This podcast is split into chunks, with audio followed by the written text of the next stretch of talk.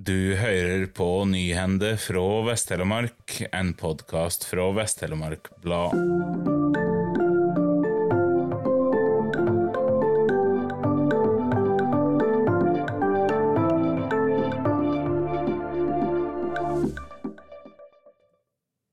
En mosaikk av pingviner fotografert i Antarktis av fotograf og hundekjører Silvia Fortvangler fra Møstrand er kåra til en av de tusen beste av i alt 509 000 billetter i verdens største fotokonkurranse.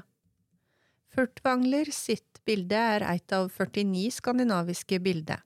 Det var over 54 000 amatør- og profesjonelle fotografer med i konkurransen, som kom fra 147 ulike land. For første gang på 20 år var det deltakere fra Vest-Telemark i bridge-NM i helga.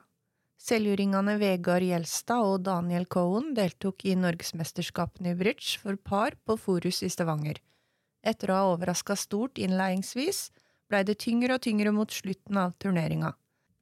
Til slutt enda de på en 42.-plass av 54 deltakende par. Søndag debuterte basketlaget Vinje Goats da de reiste til Tønsberg for å spille sin første basketkamp mot TNT Towers i Eik idrettshall i Tønsberg.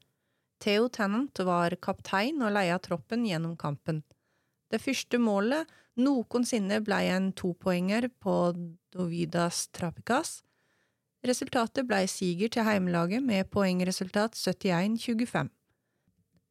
Etter kampen kunne lagleder Jon Rikard Kleven melde til VTB at dette er et rekrutteringslag til elitelaget, og han sier at de trener fem ganger i veka.